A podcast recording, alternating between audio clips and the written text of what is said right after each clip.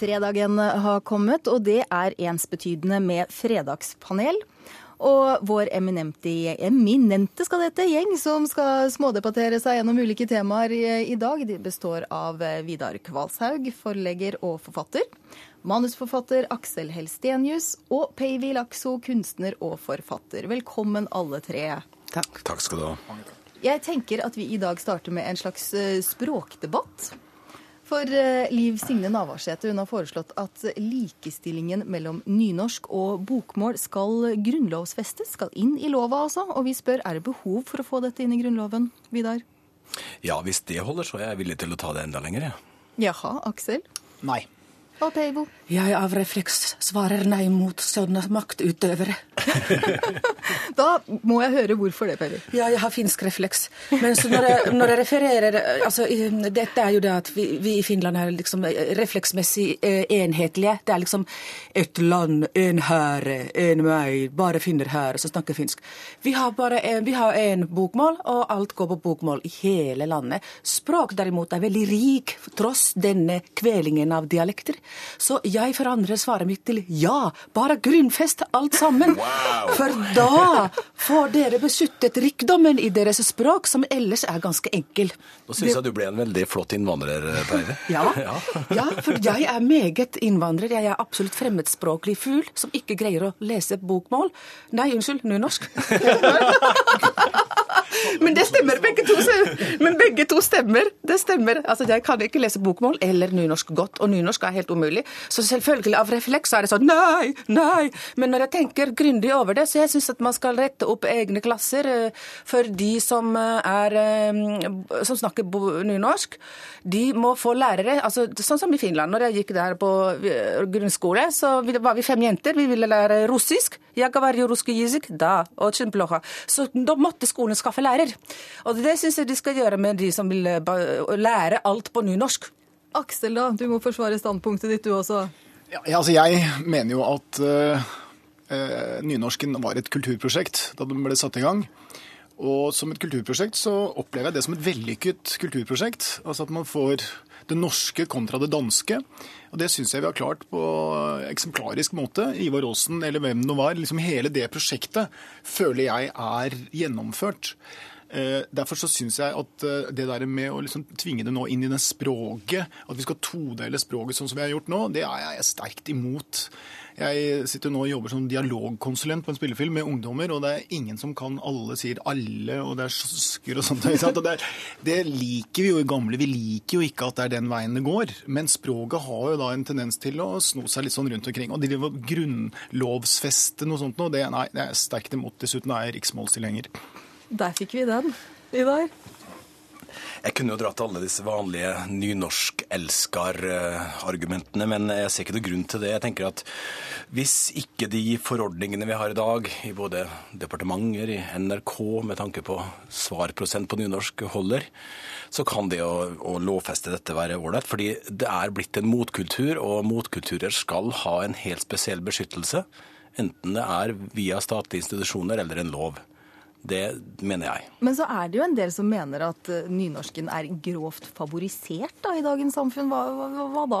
Nei, det kan jeg ikke se. Og jeg tenker at vi har så mange, mange, større problemer her i Norge enn å ta vare på nynorsk. Vi kan få Per Sandberg som kulturminister etter valget. Og, så her, her, må vi se perspektivene. Behold nynorsken, og så får vi kjempe mot det som er farlig. Jeg, er jo, altså, jeg tenker på alle de som skriver uh, dikt, f.eks. Hvordan, uh, hvordan, uh, hvordan ungdommen skal liksom, miste muligheten til å ramle inn i disse underlige ordene i nynorsken når de skal uttrykke seg. For nemlig, som jeg har vokst opp med mitt finsk språk, så kan jeg bøye alle ordene hit og dit. Andrej Berke var veldig fantastisk med å leke med ordene, men de fleste er jo ikke så fantastiske som han. Jeg mener at finsk språk er slik elastisk apparat. Og eh, det er det som gjør at jeg venter min eh, hjerte mot uh, nynorsk, samtidig som jeg har sånne oversettere og sånne folk som elsker nynorsk, og som er på en måte tilhører deres vokabularitet. Men, men, det jeg må nok si at i dag så er jeg liksom grå og midt mellom svart og hvitt. Altså, sånn som, som, man ikke skal gjøre som man sier i Bibelen, ja eller nei, og så er man midt imellom. Det er ikke bra, altså. Men jeg er jo litt der. Da tror jeg vi forlater språkdebatten, ja, og så går vi over til et, et annet felt, nemlig film filmens verden. For eh, nå så er ikke mindre enn fem eh, filmprosjekter om polarhelten Roald Amundsen eh, under planlegging. Og det blir et kappløp om filmkronene for å lage enten portrett eller drama eller animasjonsfilm eller eventuelt dokumentar. Og spørsmålet da er trenger vi nye filmer om Roald Amundsen, Aksel? Eh, ikke fem. Så nei, ikke fem. Vidar? Eh, ja, et par. Baby? Nei, det er bare kopiering og ønske om å gjøre lik suksess som Kon-Tiki. Som har liksom bare ønsker og alle konkurrerer om de pengene fordi Kon-Tiki gjorde det så bra. Bare tull, ass. Men dette er jo mye mer spennende enn Kon-Tiki. Ja, ja, ja, I sted så gikk jeg inn på Wikipedia bare for å oppdatere meg litt på Amundsen. Og vet du hva? Jeg ble sittende der, jeg ble sittende der, kaffen ble kald, og jeg leste og leste og leste. Noe av det visste jeg fra før, annen ting var helt nytt. Og jeg ble helt sånn Dette er mye mer spennende. Levd liv. Men gutta savner jo dette urmannen sin i seg selv. ikke sant? Dere savner denne urmannen som går og drar på eventyr og har draget på damene fordi han er så tøff og går med helikopter og går ned i dukker og gjør alle de Det er helt greit. Men jeg syns det hadde vært veldig veldig deilig om det var noen sånne morsomme portretter av ganske gærne kvinner. altså. Sånne skikkelig gærne kvinner som har sprengt noen grenser. Du, Vet ikke hvor de finner. Ja, men du må starte et litt annet sted, for man må liksom se på det der. Hva er det der? Det er jo heltehistoriene. Og at Amundsen var en stor helt, og nå sånn historisk er en stor helt fordi han har gjort. Det er vel få gutter og jenter som liksom har bilde av han på veggen hjemme nå. Altså sånn på gutte-jenterommet. Så det er liksom Den tiden er over, så nå er det jo en slags nostalgi.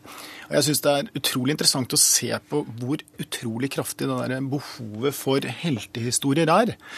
Og hvor, altså selv om vi, Nå har vi akkurat snakket om eh, å få ting inn i, i Grunnloven, altså nynorsk eh, bokmål. Men vi har også snakket veldig mye her i dette studiet også om kvinner kontra menn i film og kultur og sånt noe.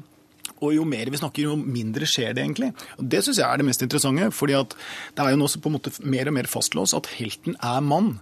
Så det helten gjør, eller det mannen gjør som helt, er mannlig. Og, er, og da så blir det så utrolig mange Det- filmer. Og det det- syns jeg er interessant, det- og derfor svarer jeg nei. Jo, men jeg syns det er interessant at du turer til nostalgitankegangen at ungdommen har ikke bilde av ham på veggen, men hvorfor skal de da ha ham på veggen når de ikke vil ha nynorsk?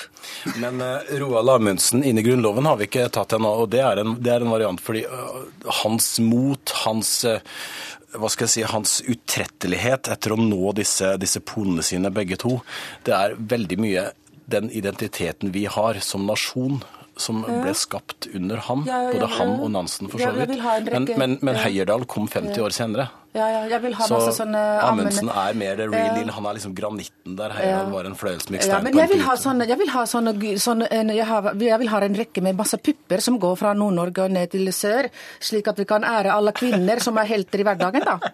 Men det er det som er det. Hva er helten? Liksom, hva, kan hva skal til for å bli en helt på film? Altså, Det er ikke noe tvil om at han var helt. Det, det er jo på en måte to streker under det svaret.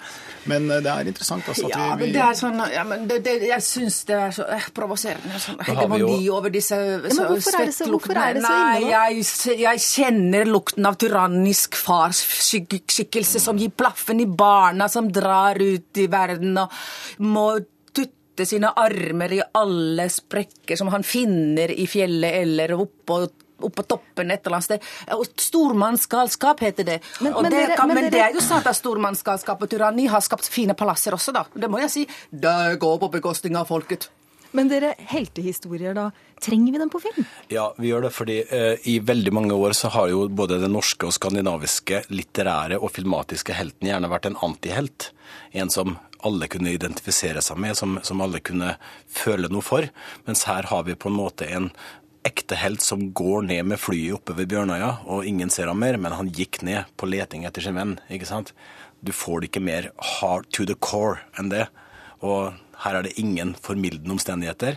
Ja, dø, starta som helt, døde som helt. Punktum. Vi, Aksel, vi trenger en sånn. hva da med, med sånn for, for våre norske sjel, holdt jeg på å si? Altså, hvor viktig er det for oss å liksom få en mann som Amundsen opp og ut på, på lerretet Altså, jeg, tror det, jeg, tror det er, jeg tror det er viktig, jeg tror det er fint og sånt noe. Men jeg, og den, den filmen kommer til å komme. altså De kanskje to-tre filmene kommer til å komme.